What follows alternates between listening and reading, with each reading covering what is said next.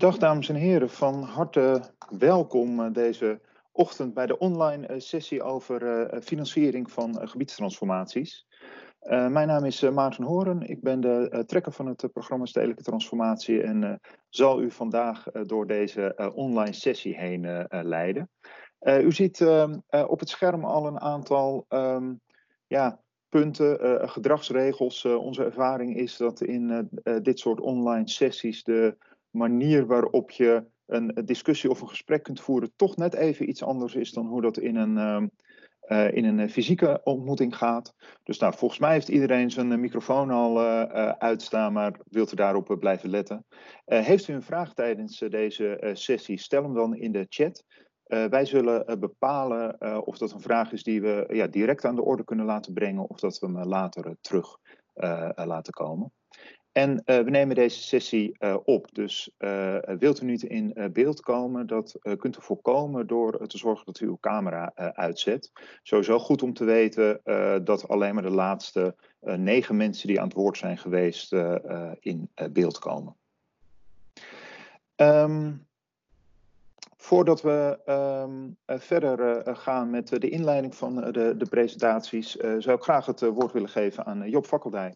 Hij is voorzitter van het eh, programma van uh, Stedelijke Transformatie. Dankjewel, uh, dankjewel Maarten. Dames en heren, ook vanuit ons van harte welkom. Mooi dat er toch weer zo'n grote groep is verschenen hier. Want het is niet het onderwerp waar je meestal zalen mee vol krijgt. Alhoewel, aan de andere kant, wat we in die paar jaar dat we als programma nu actief zijn uh, merken, is dat het misschien wel het onderwerp is waar de meeste misverstanden over uh, bestaan. We waren in een periode waarin het wel leek alsof er geld genoeg was. Dat zei iedereen immers. Nou, geld kan het probleem niet zijn. Het geld is bijna gratis, vult u het maar in. En tegelijkertijd um, bleek aan de andere kant dat het nog steeds moeilijk was om die uh, projecten, die binnenstedelijke projecten, die zo cruciaal zijn voor, uh, voor de stad, om die daadwerkelijk een stap verder te helpen. Je zou toch eigenlijk zeggen, de marktomstandigheden waren ideaal. Er is een grote druk op de woningmarkt, er is veel vraag, er is goedkoop uh, geld. Um, en toch. Dat was ook de reden waarom ons programma gestart is. U kent denk ik meestal het programma wel, ik ga daar niet veel over vertellen. Maar de rode draad is met elkaar marktpartijen en overheden versnellen van die binnenstedelijke uh, projecten. Aan de ene kant betekende dat dat we mee mochten en mogen denken met de Rijksoverheid, die natuurlijk een tweetal maatregelen neergezet heeft, die relevant zijn voor die financiering. Een financieringsfaciliteit, maar ook een uh, subsidieregeling die ongeveer uh, net open is, zal ik maar zeggen.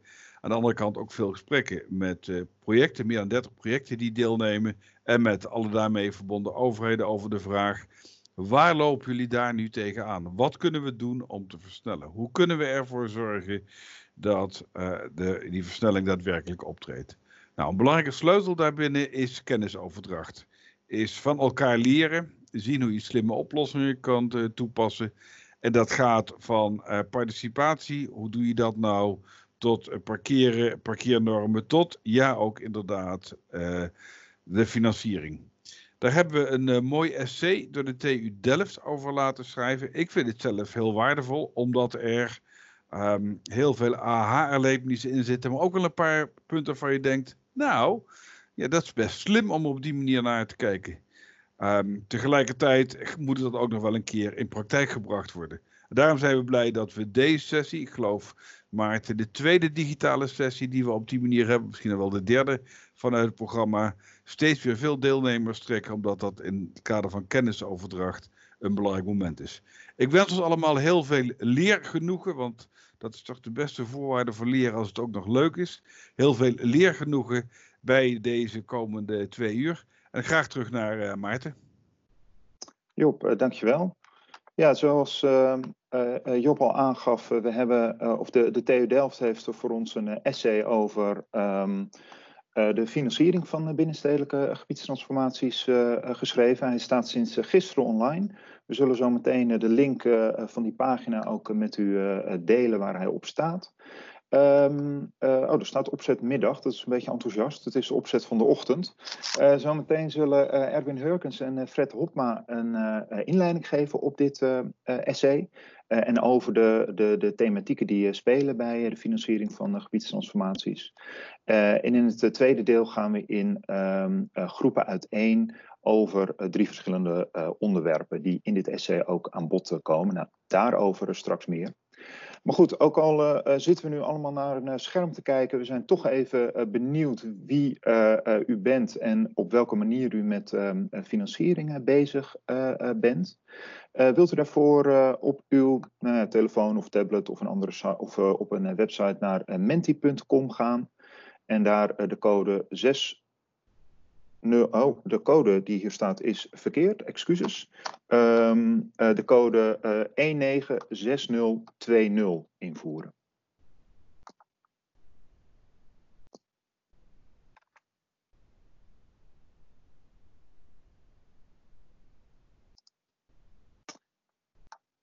Kijk, en de eerste worden al ingevuld. De code staat hier ook uh, boven, 196020.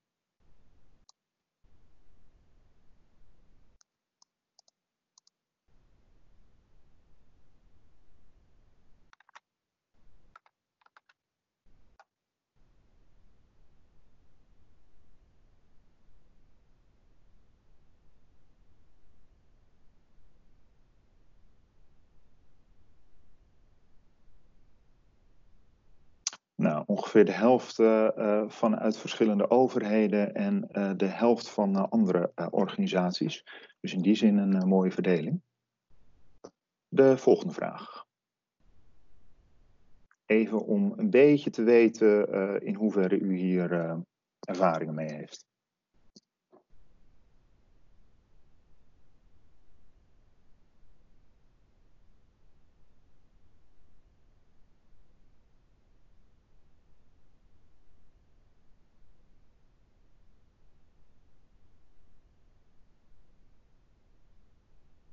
Nou, dit gaat uh, bijna uh, gelijk op. En is uh, Erwin en Fred voor jullie denk ik ook goed om te weten hoe jullie je presentatie nog verder kunnen, kunnen vormgeven en wat accenten kunnen aangeven. Dan de volgende vraag. Wat is het belangrijkste knelpunt bij de financiering van gebiedstransformaties? U kunt hier uh, drie uh, woorden of korte trefwoorden invoeren. Ook één of twee als u dat wilt.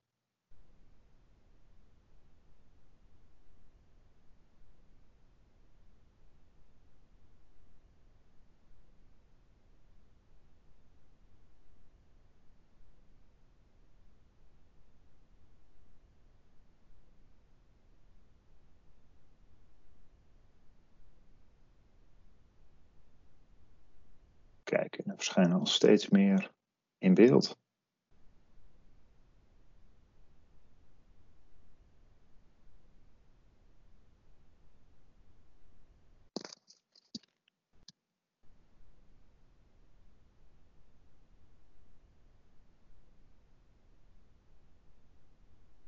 Onzekerheid, risico, inbrengwaarde, belangrijke elementen.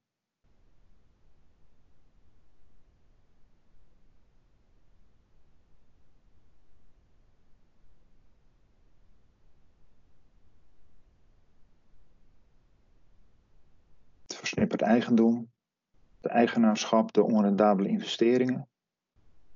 Nou, ik geloof dat uh, een aantal van deze thema's zeker uh, aan bod zal, zal komen. We zullen hier achteraf ook nog uh, naar kijken of we zien of hier onderwerpen in staan waar we misschien in een later stadium nog wat mee kunnen.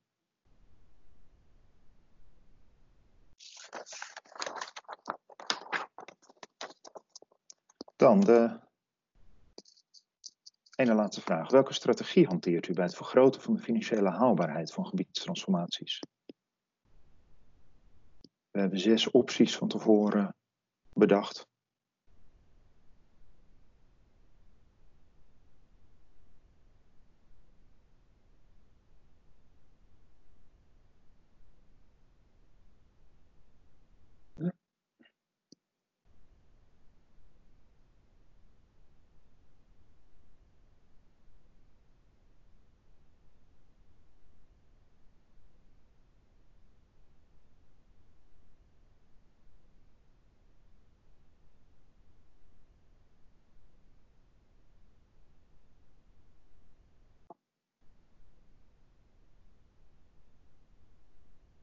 Het vergroten van de mogelijke opbrengsten, het sluiten van de anterieure overeenkomsten en uh, meerdere partijen betrekken bij het financieren. Dat zijn toch de, de meest populaire. En de laatste vraag. Wat is de belangrijkste uitdaging bij de financiering van stedelijke transformaties in coronatijd? Het is geen onderwerp dat aan de, in het essay aan bod komt, maar uh, de, de onzekerheden die hierin eh, zijn, zijn eh, behoorlijk groot. Maar we vonden het toch even interessant om die vragen te stellen.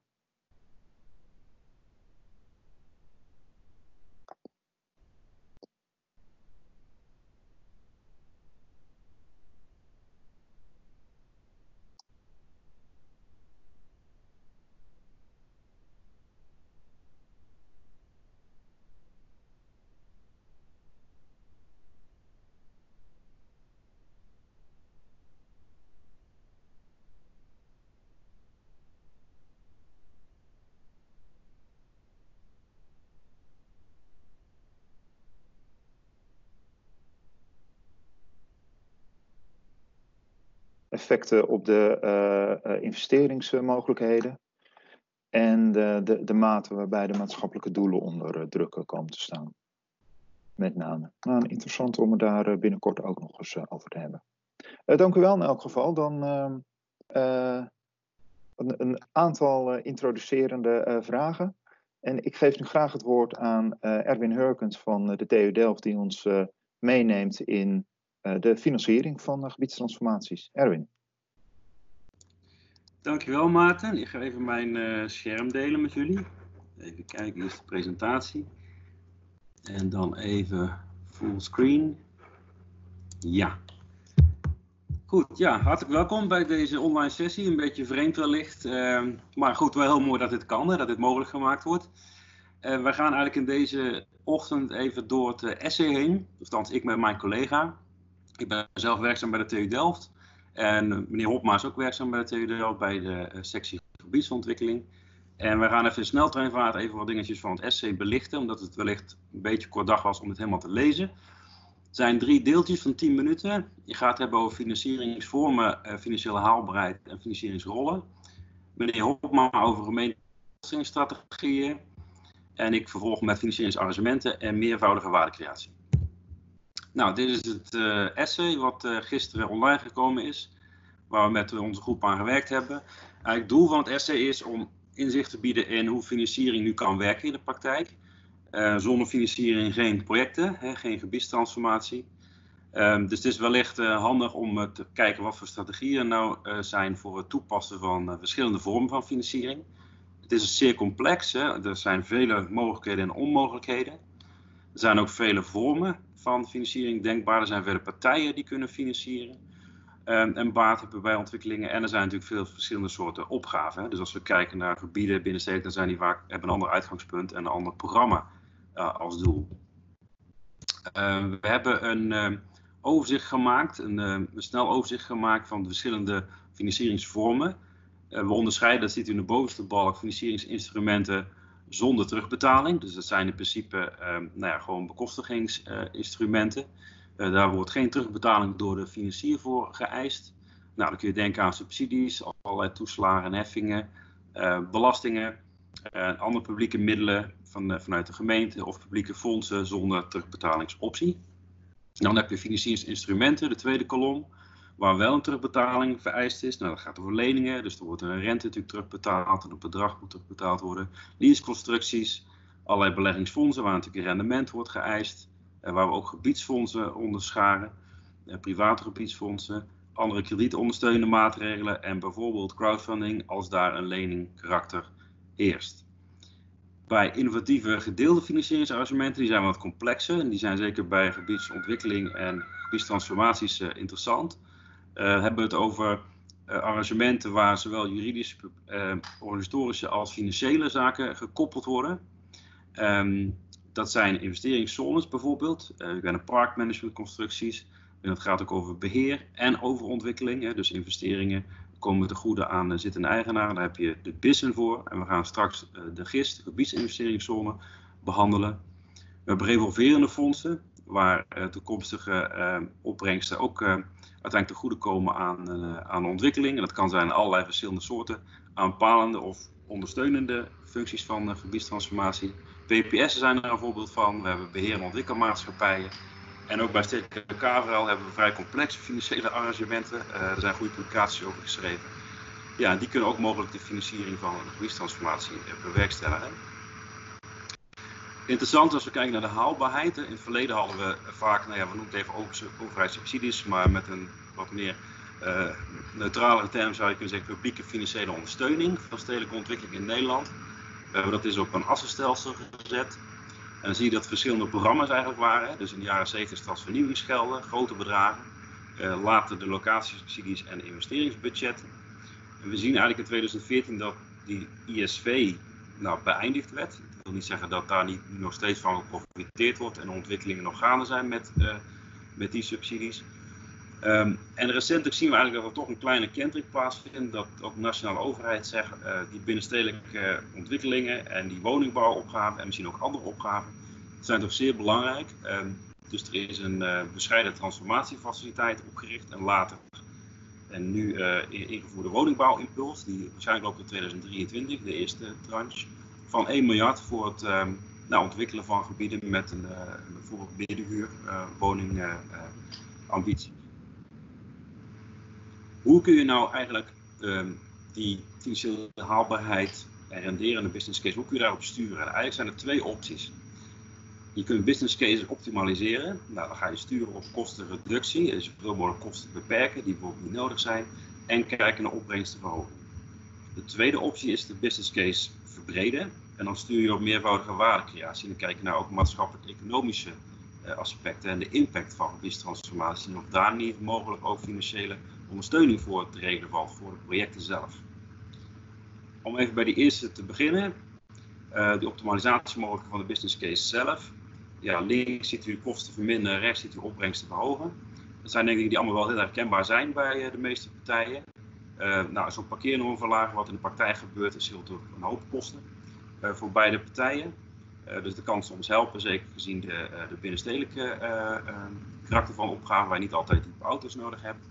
Er zijn vele andere mogelijkheden, zoals daar staan. Bestaande infrastructuur bijvoorbeeld meer handhaven, waardoor je minder kosten hebt voor het verleggen van kabels en leidingen. Het klinkt heel simpel, maar ja, hier staan ze wel uh, eens op een rijtje neergezet. Aan de opbrengstenkant kun je nadenken over optimaliseren van het programma.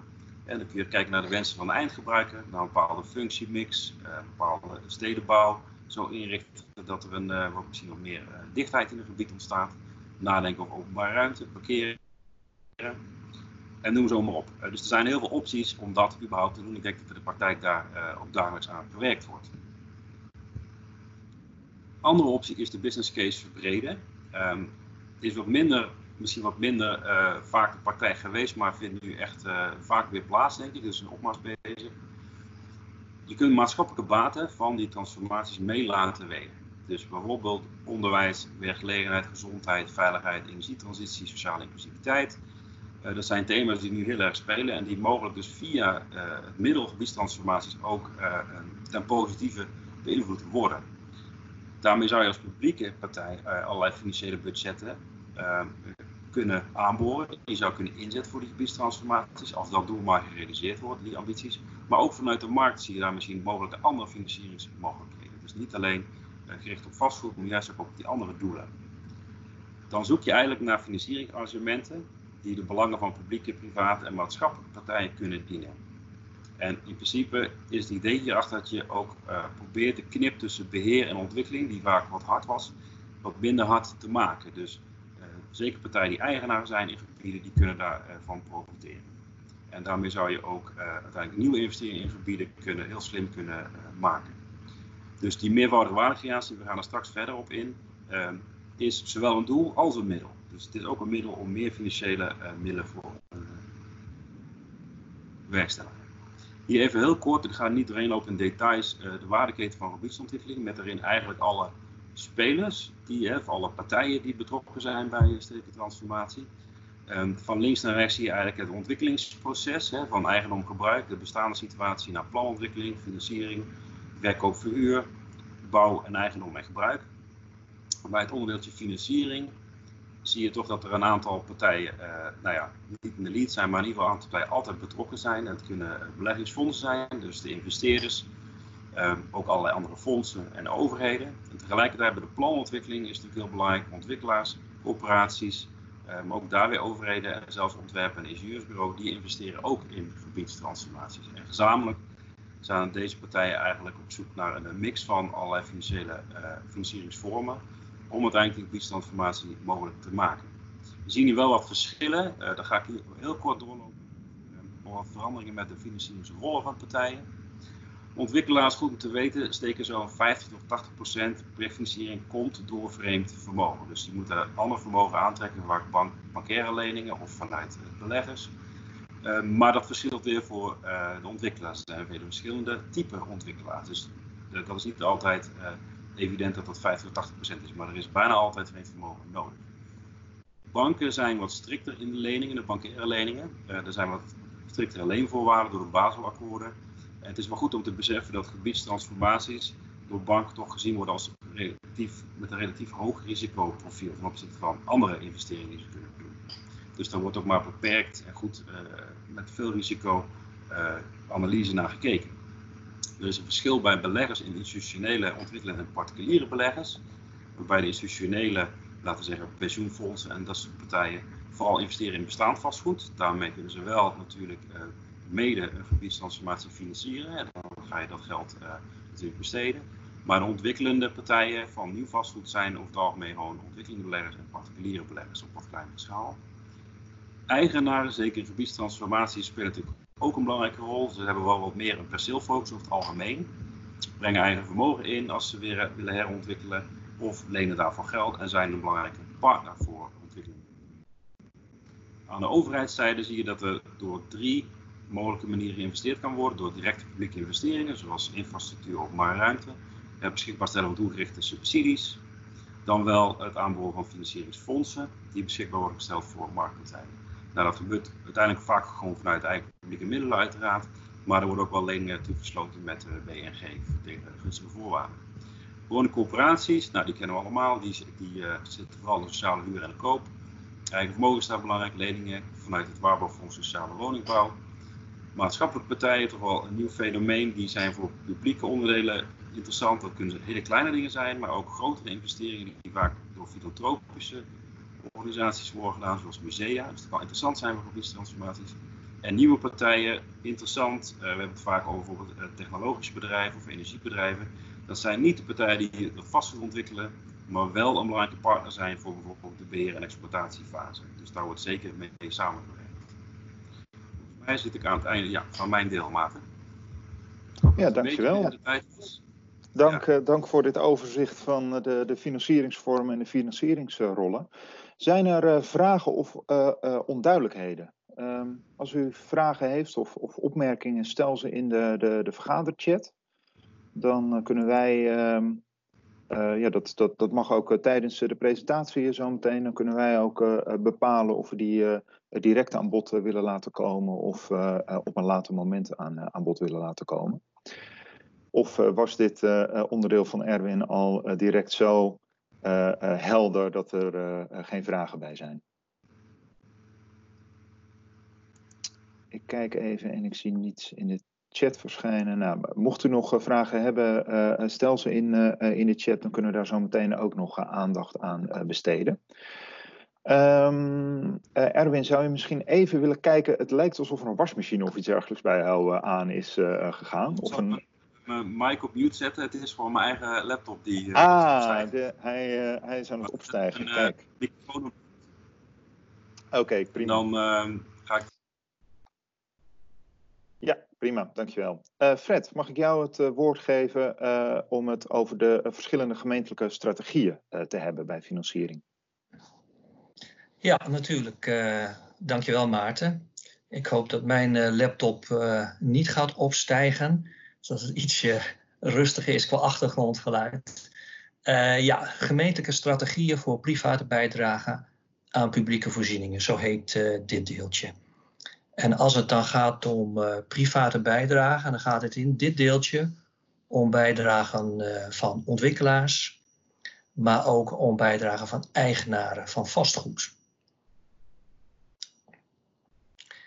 Ja, nou, die publieke voorzieningen zijn natuurlijk reuze belangrijk als het gaat om uh, binnenstedelijke transformatie.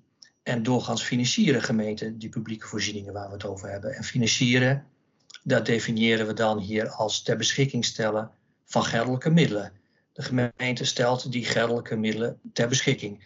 En het gaat om, om geldelijke middelen voor de wegen in de openbare ruimte, de riolering, de pleinen, openbaar groen, parkeren in openbare ruimte, verlichting. We kennen het allemaal wel. Daar is heel veel geld mee gemoeid.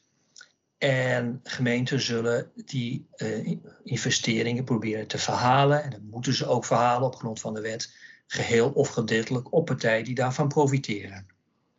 Nou, als we dan in dit gebied terechtkomen, dan gaat het altijd al om veelheid van termen. Het gaat om kostenverhaal, het gaat om bijdrage ruimtelijke ontwikkeling, het gaat om fondsvorming, planbaatafroming, value capturing, betaalplanologie.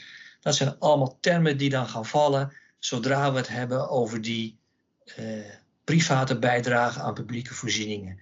We gaan even na in dit stukje welke uh, verschillende strategieën daarvoor zijn. Kun je naar de volgende slide, Erwin? Dankjewel. Veel uh, begrippen, maar wat is nu het onderscheid tussen die begrippen? In het essay gaan we daar uitgebreid op in. Hier in deze presentatie even kort. We gaan in op de vraag welke bijdrage, dus inkomsten voor de gemeente, voor de dekking van al die investeringen waar we het juist over hebben, kunnen altijd worden verkregen. Welke bijdragen kunnen alleen in overeenstemming met de ontwikkelaar worden verkregen. En dus niet uh, altijd. En we gaan ook even kijken naar de omgevingswet, die ook belangrijk is op dit vlak. 2022 weten we, gaat die op 1 januari in werking treden. Leek ons ook relevant om daar eventjes naar te kijken alvast. Volgende slide graag. Ja, dan hebben we dit uh, uh, eenvoudige modelletje eventjes uh, gemaakt om dat onderscheid te uh, duiden tussen uh, kostenverhaal, financiële bijdrage en baatafroming. Die drie onderscheiden we en we zeggen ja, er is een verschil wat betreft de opbrengsten van die drie en de bekostiging van die publieke voorzieningen. Bij het kostenverhaal is er een heel sterk verband tussen de opbrengsten van het kostenverhaal en de bekostiging van die publieke voorzieningen in exploitatiegebied. Wat we binnenhalen onder de noemer van kostenverhaal wordt echt in het gebied direct gebruikt. Bij financiële bijdragen halen gemeenten ook wel geldelijke bijdragen binnen van partijen, maar kan het best zijn dat die niet direct in het exploitatiegebied worden gebruikt, maar daarbuiten. Denk aan uh, bijvoorbeeld uh, natuurcompensatie, dat plaatsvindt buiten het exploitatiegebied. Denk aan bepaalde uh, sociale woningbouwprojecten die eh, met die financiële bijdrage mogelijk worden gemaakt buiten het eigenlijke exploitatiegebied. En dan hebben we ten derde nog baatafroming. En dan zie het woordje geen onderstaan. Ja, de inkomsten daarvan hebben eigenlijk geen relatie met de bekostiging van publieke voorzieningen. Dat wil zeggen dat er wel baatafroming plaats kan vinden, maar dat de inkomsten daarvan gaan naar de algemene middelen. Dit is kort de reden, eh, de analytische reden voor de onderverdeling in drie categorieën. Sterk, zwak en geen verband. We gaan naar het kostenverhaal, de eerste categorie.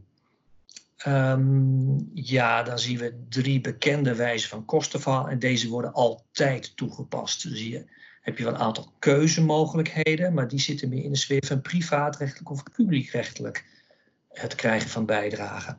Want we zien bij kostenverhaal, financiële bijdragen en ook planmaatafroming telkens de woorden publiekrechtelijk en privaatrechtelijk. Dat betekent dat er veelal een keuze is voor de gemeente om de gelden privaatrechtelijk of publiekrechtelijk te verkrijgen. Bij gronduitgifte, actief grondbeleid, vindt er privaatrechtelijk uh, inkomsten verkrijgen plaats. Dan is er sprake van verkoop.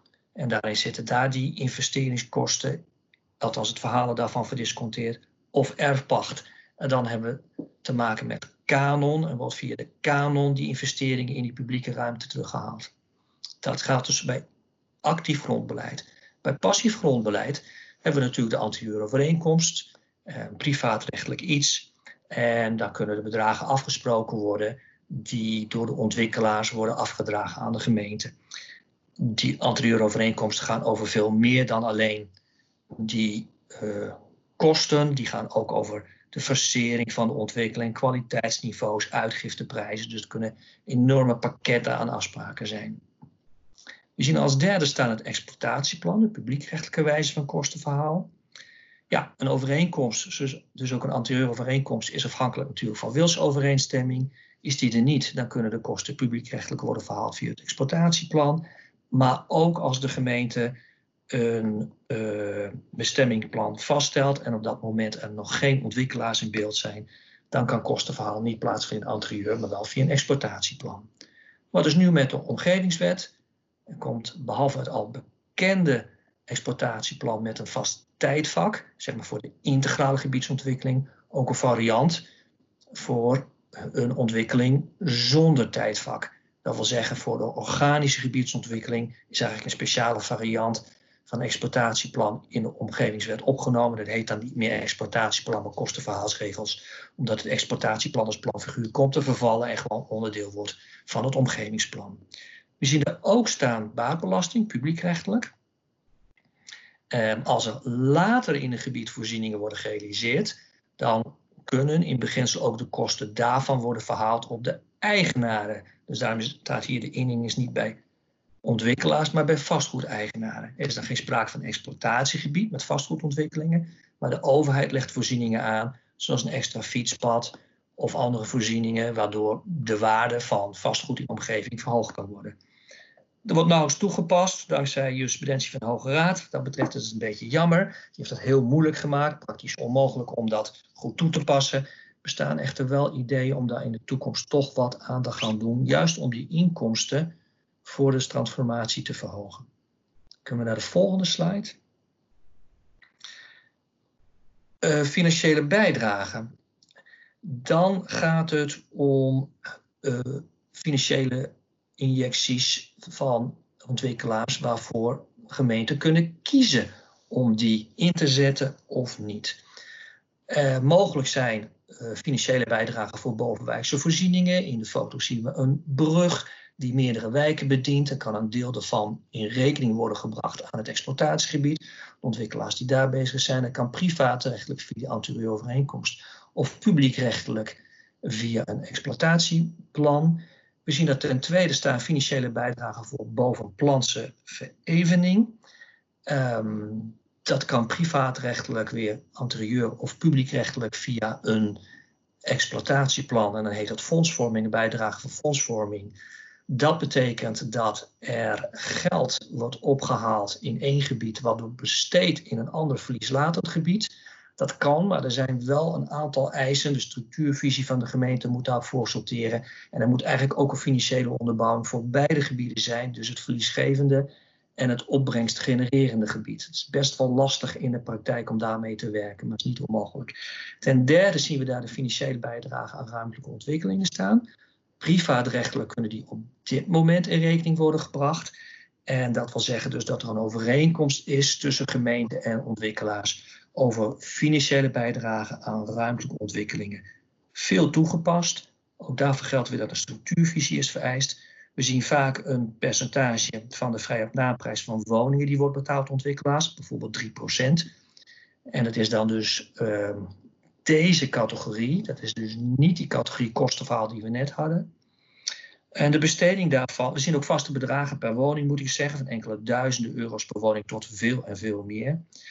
Waar wordt het aan besteed? Bijvoorbeeld sociale woningbouw. Als er een bepaald percentage sociale woningbouw verplicht is, maar dat niet gehaald kan worden, kan het betaald worden zodat er elders wel sociale woningbouw buiten het exploitatiegebied wordt gerealiseerd. natuurontwikkeling elders in de gemeente, maar ook een sporthal of een dorpshuis. Het idee is dat ontwikkeling de kosten gaat van iets, bijvoorbeeld open ruimte, en dat door financiële compensatie er elders ontwikkelingen tegenover gezet kan worden. Veel onvrede van ontwikkelaars hierover. uh, die zeggen, ja, dit is vrijwillig, maar in feite worden we heel vaak door gemeenten gedwongen, omdat we anders geen planologische medewerking krijgen. Dan zitten we in de sfeer van de betaalplanologie, wat natuurlijk eigenlijk verboden is. De omgevingswet maakt het mogelijk dat er financiële bijdragen verplicht worden gemaakt. Dus dan komt er ook een publiekrechtelijke mogelijkheid om financiële bijdragen in rekening te brengen onder allerlei stringente voorwaarden die komen te staan in de ANVB, die nog gemaakt moeten worden. De VNG heeft daar erg voor geijverd. De Tweede Kamer is daar op een heel laat moment in de behandeling van de omgevingswet, de aanvullingswet grondeigendom mee akkoord gegaan, tot ongenoegen van ontwikkelaars. Volgende slide graag. Gebiedsfondsen vallen ook onder financiële bijdragen, zijn populair aan het worden. Wat is dat eigenlijk, een gebiedsfonds? Nou, als we goed gaan kijken, is het eigenlijk de som wat onder de vorige slide bij 1, 2 en 3 stond. Dus vaak stort de gemeente in hun gebiedsfonds de opbrengsten van kostenverhaal en financiële bijdragen.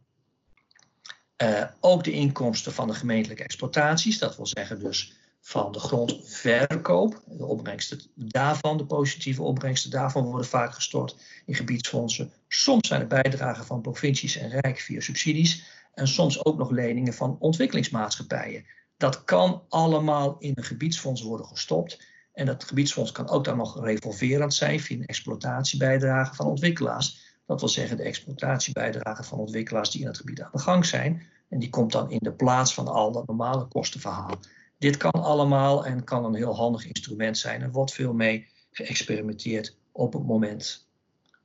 Volgende slide graag derde categorie van inkomsten hadden we gezien uh, planbaatafroming. Ik moet wel zeggen dat de opbrengsten vrij bescheiden zijn in de praktijk.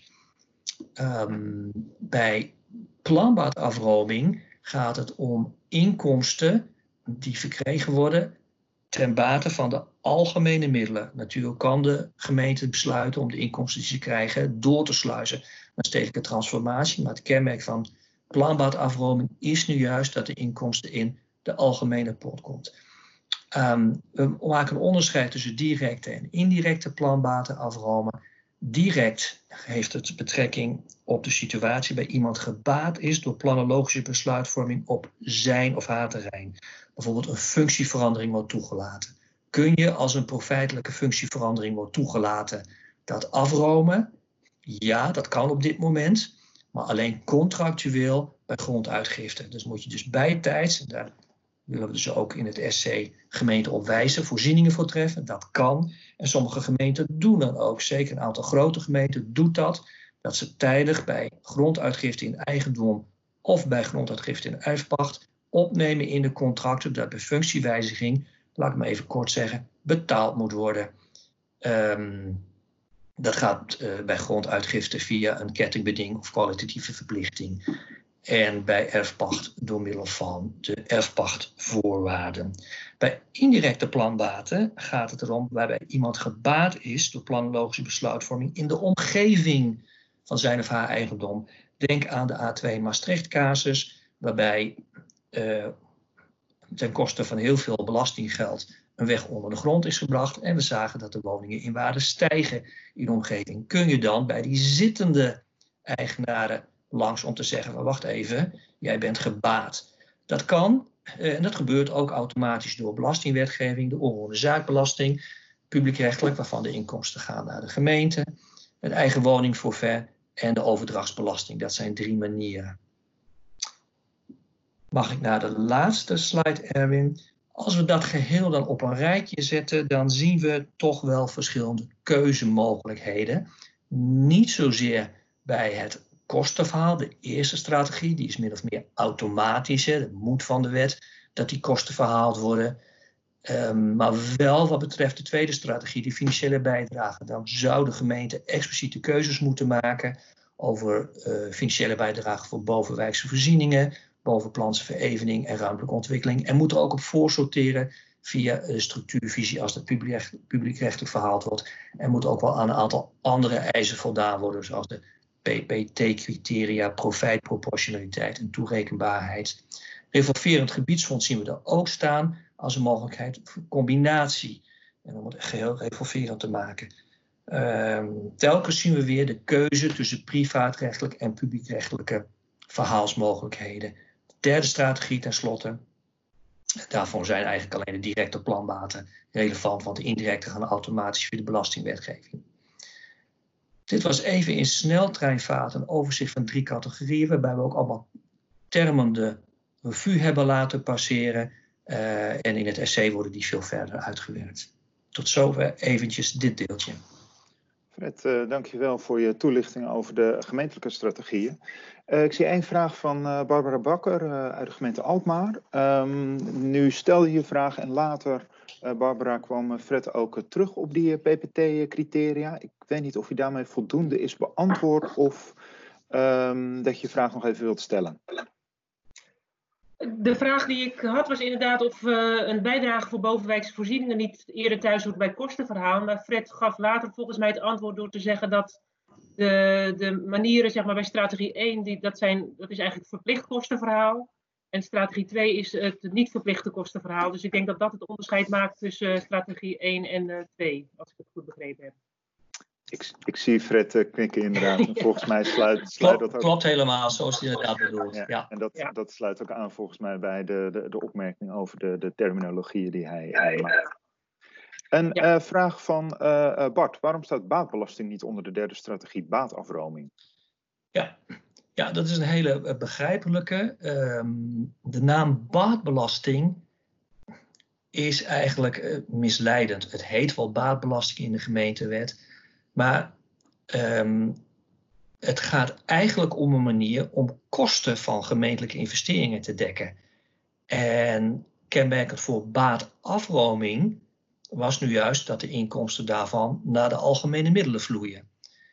Uh, dus we hebben geprobeerd in het essay om hele scherpe definities te maken. Juist omdat er zoveel onduidelijkheid is. Hè. Value capturing wordt ook in het essay behandeld. Wat is dat nu eigenlijk? Is dat echt iets nieuws of niet? Um, baatbelasting hebben we gezien als een manier om inkomsten te krijgen voor de gemeente. Voor de bekostiging van specifieke voorzieningen, zoals dat fietspad wat je aanlegt, hè, waardoor uh, de buurt veiliger wordt. En hebben gezegd van dat is dus eigenlijk iets wat behaalt, hoort bij kostenverhaal. Terwijl baatafroming, ja, dat is iemand ja, die krijgt door een planologisch besluit eigenlijk voordeel in zijn schoot geworpen, zonder er iets voor te doen. En daarvan gaan de inkomsten naar de algemene middelen. Ik hoop dat het zo een beetje verduidelijk is. Maar ik kan me helemaal voorstellen uh, waar de vraag vandaan komt.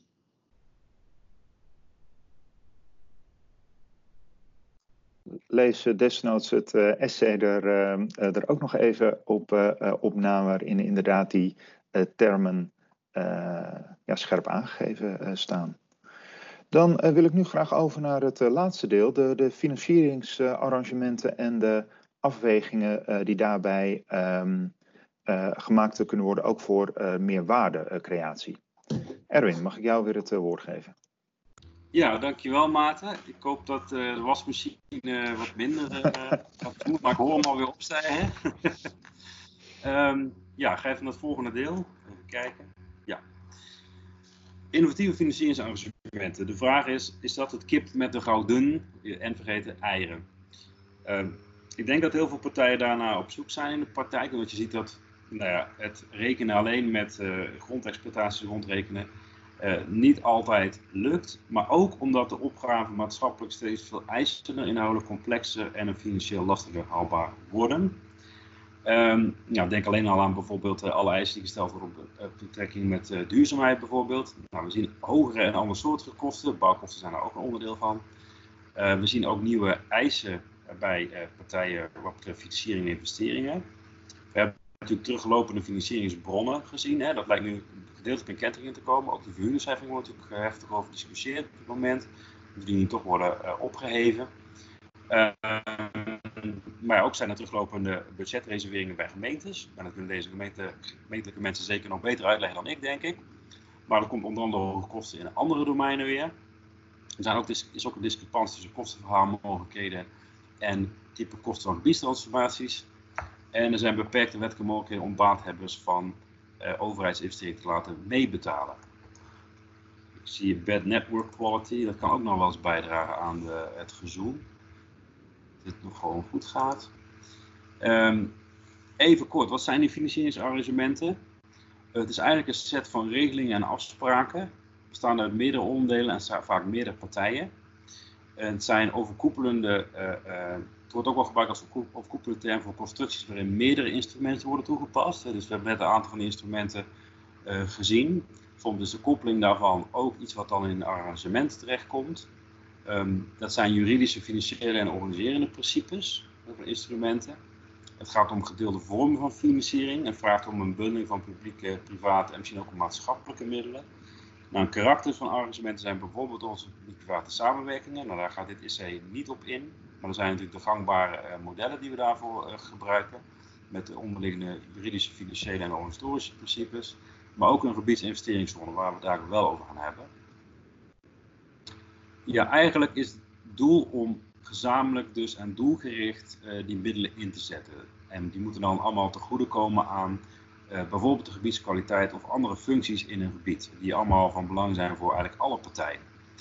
Dan zie je eigenlijk dat toch het onderliggende, de basisgedachte is ook dat de publieke waarde gekoppeld worden aan privaat rendement. Dus uh, gezamenlijk investeren leidt dan ook hopelijk tot gezamenlijk oogsten.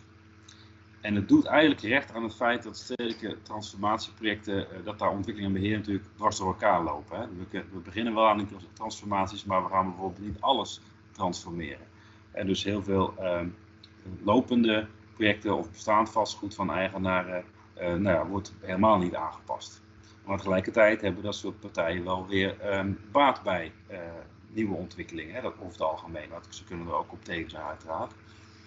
En waar je eigenlijk naar zoekt met deze arrangementen is dat je die harde knip tussen exploitatie, beheer en ontwikkeling, dat je die probeert op te heffen of zo in te zetten dat je toekomstige exploitatieinkomsten, of dat nou vastgoed is, eh, vanuit het vastgoed of vanuit bijvoorbeeld eh, opgebouwd eh, vermogen, dat je die gebruikt als financieringsbron voor de voor investeringen of voor de investeringen in het gebied. Is de kip met gouden eieren? Um, Nee, niet per se. Er zijn allerlei arrangementen ook en instrumenten de afgelopen jaren, um, de alle publicaties geweest die ook hebben aangetoond dat bijvoorbeeld zoiets als tax increment financing, hè, waarbij je de toekomstige stijging van, laten we zeggen, de WOZ-waarde en dus de OZB-belastingen, dat je die wellicht kunt gebruiken voor um, de ontwikkeling van gebieden. Dat dat uh, gezien A, de beperkte belastingen die wij daar relatief op hebben, en B, dat dat gaat naar het Algemeen Fonds van de gemeente dat daar uh, nou, niet direct baat bij is voor een, uh, voor gebiedsontwikkeling. Er zijn wel experimenten zoals in Nijmegen gaande, en waarin je ziet dat het dus wel mogelijk is, maar op grote schaal moeten we ons toch afvragen of dat kan. Zeker omdat er vaak toch dan weer wet en regelgeving aangepast moet worden, dat dit soort dingen uh, nou, heel veel tijd kosten en dat er vaak principiële keuzes aan de grondslag lagen eh, om bepaalde dingen wel of niet te doen in onze ruimtecoördinering. Dus het gaat niet zo makkelijk. En ook aan de private kant um, ja, meer kapitaal beschikbaar stellen voor de lange termijn, bijvoorbeeld bij ontwikkelaars. Ja, dat is niet per se heel evident, hè, omdat zij het toch vooral belang hebben om een goed gebied neer te zetten met een degelijke winst aan het einde van het project. Nou zie je wel daar verschuivingen in plaatsvinden, dat partijen ook denken dat dat uh, ten goede kan komen uh, van een ontwikkeling, maar dat is niet allemaal zomaar even veranderd. Dus het kost gewoon tijd. Niettemin zijn er wel twee, denken wij, zeer volwassen en reeds toegepaste innovatieve financieringsarrangementen. De eerste is revolverende fondsen. En de tweede is die gebiedsinvesteringszone. Revolverende fondsen zijn misschien nog zelfs iets volwassener dan gebiedsinvesteringszone die vooral nu in experimentfase zit. Maar laten we de eerste eens nemen. Um, bronnen voor revolverende fondsen zijn over het algemeen gemeentelijke geld, subsidies en leningen. Ik refereer ook even terug naar uh, Freds presentatie. En er wordt een private exploitatie of soms wel gebiedsbijdrage gevraagd indien de eigendom is in een bepaald gebied voorwaarde voor bestemming van dat geld is dat um, publieke investeringen daarmee gemaakt worden, dat private exploitatiebijdragen dus in die gebiedsfondsen vloeien ten behoeve van publieke investeringen. Er moet natuurlijk aangetoond worden dat dat um, ook echt daadwerkelijk eh, profijt oplevert voor partijen. Meerwaarde is dat er um, een doelgerichte bundeling is van die middelen en dat private partijen dus betalen voor publieke zaken waar ze direct profijt van hebben. En het kan mogelijk werken als hefboom voor andere private voorinvesteringen. Dus dat partijen aanhaken en ook gaan mee investeren in gebieden.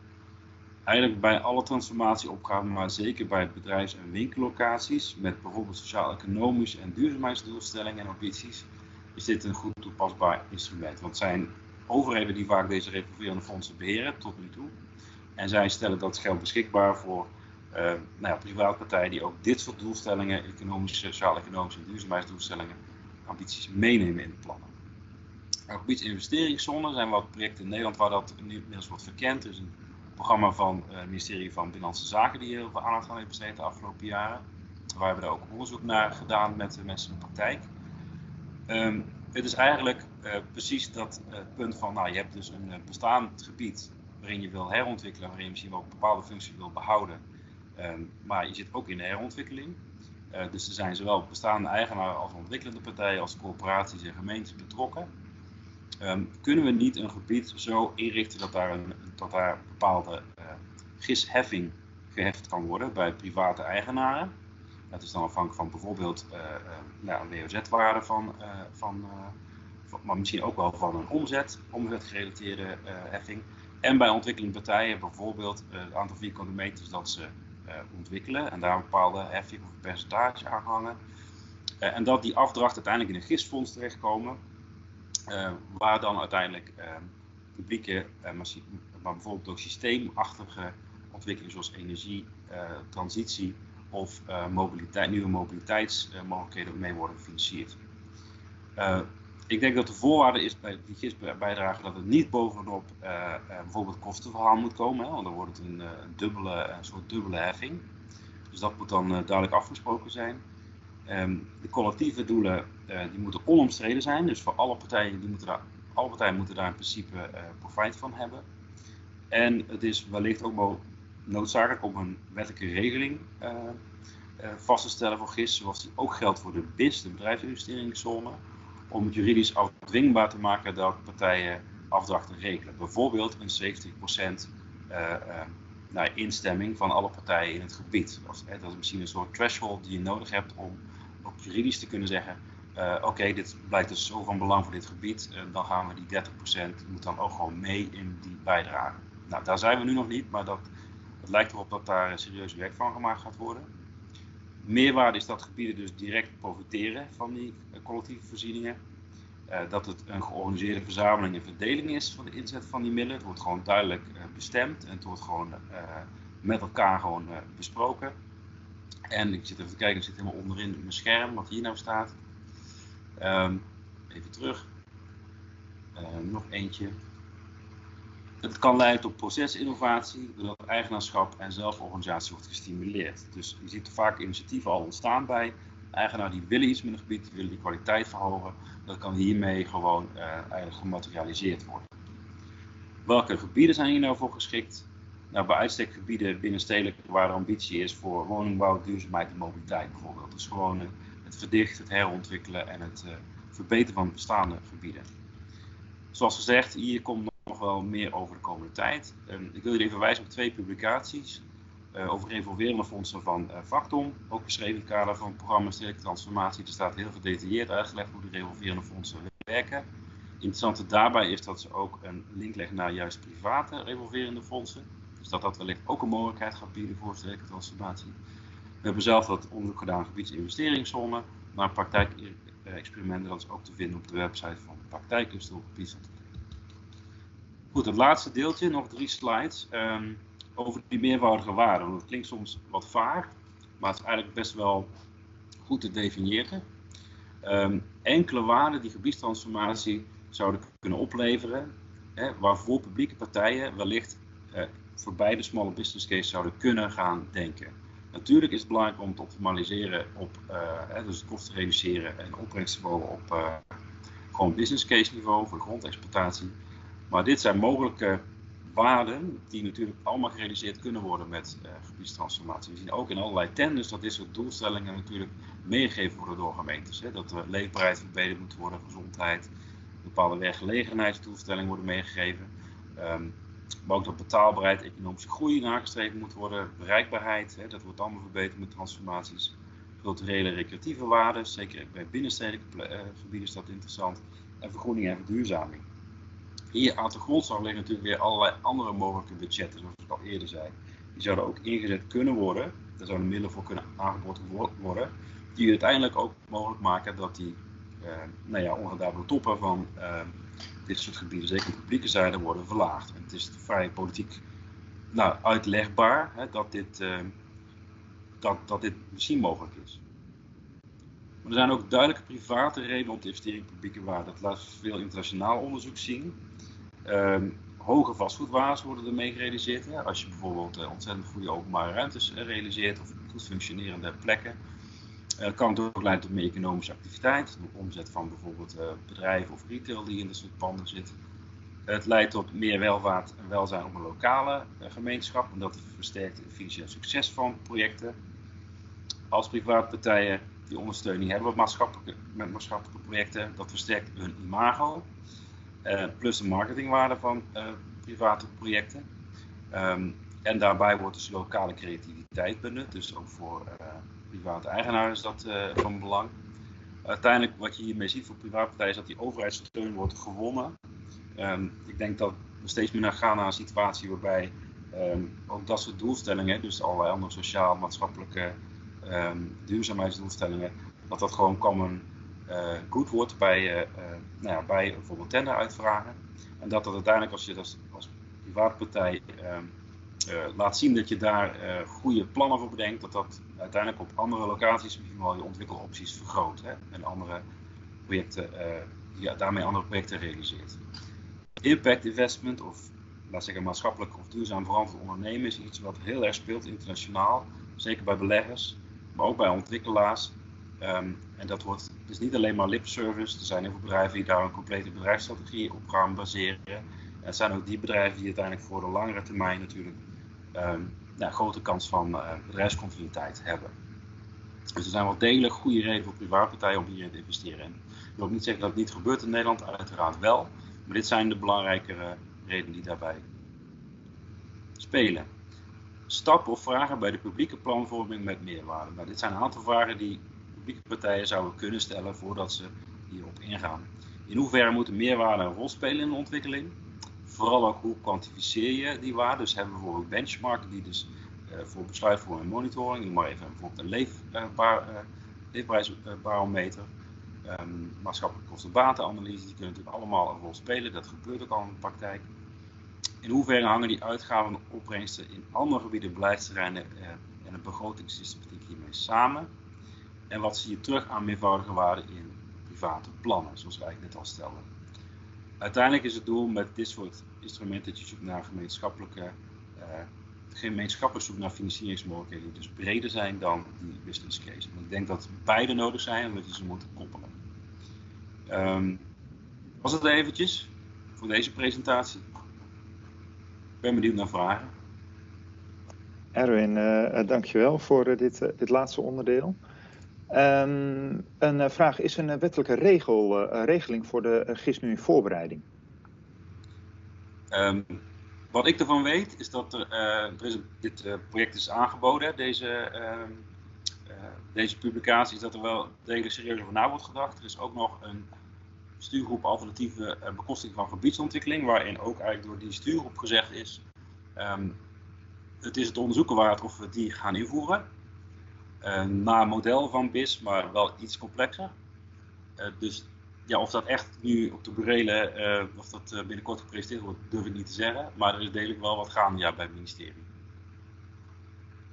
Ja, dus niet op korte termijn op, op rekenen, maar ja, wel, wel, iets om, om in de gaten te houden. Wat dat dan ook mag zijn, maar dat, ja, er wordt serieus naar gekeken. Ja, mooi. Um, er is ook nog een vraag over uh, wanneer je nu een um, regulerend gebiedsfonds zou inzetten en wanneer een uh, GIS juist meerwaarde heeft. Kan je daar uh, kort een antwoord op geven? En dat is mogelijk ook nog wel een onderwerp om zo meteen in de groepen wat dieper op in te gaan. Ja, um, ik bij die revolverende fondsen zie je dat het vaak heel specifiek gericht is op bijvoorbeeld, ja, als we het hebben over bedrijventerreinen die binnenstedelijk liggen hoe verduurzamen die bedrijventerreinen of hoe verhogen we hier die ruimtekwaliteit van bedrijventerreinen. En dan zijn die revolverende fondsen echt specifiek gericht op dat ene thema. bij gebiedsinvestering. En dan is er een entiteit, het kan ook een provinciale entiteit zijn, die daarvoor een fonds beschikbaar stelt waar ehm, gemeenten normaal gesproken uh, aanspraak op maken. Um, terwijl bij gebiedsinvesteringszones uh, partijen in een gebied zelf, en dat kunnen dus allerlei verschillende soorten partijen zijn, um, ook nieuwere functies gaan toevoegen. Hè, dus echt aan herontwikkeling gaan doen in gebieden. En waar ze eigenlijk gezamenlijk bepalen, waar misschien wel meerdere publieke doelstellingen in het gebied eh, bepalen waar die gist dan voor bedoeld is. En dat kan zijn verbeteringen van, uh, laten we zeggen, openbare ruimte, misschien ook activiteiten in de openbare ruimte, maar dus ook aan mobiliteits- en uh, duurzaamheidsingrepen. En daar is het gewoon heel erg, laten we zeggen, gebiedsspecifiek. Revolverende fondsen zijn eigenlijk wat meer algemeen en heel duidelijk beschikbaar gesteld door één entiteit. Met een bepaald doel, één bepaald doel. Dank je, dank je wel uh, hiervoor. Ik zie nog een vervolgvraag hierbij uh, op, opdoemen, maar ik wil die toch graag naar de groepen door ver. Want in het laatste half uur van deze bijeenkomst willen we in groepen uiteen ehm, gaan. Dat onderdeel is het, het laatste onderdeel um, van deze bijeenkomst. Dus hierbij zeg ik in elk geval even uh, dank voor de uh, inleidingen Erwin en Fred. En Wouter Jan, alvast bedankt voor de begeleiding zometeen. En u allen bedankt voor de aanwezigheid. Mochten er nog vragen zijn naar aanleiding van um, deze presentatie of de inhoud van het essay, stuur me dan een e-mailtje. U heeft, als het goed is, allemaal een e-mail ontvangen van mij bij de bevestiging van deze sessie. Ik wil u nog heel veel uh, succes en plezier wensen in het laatste deel van deze sessie.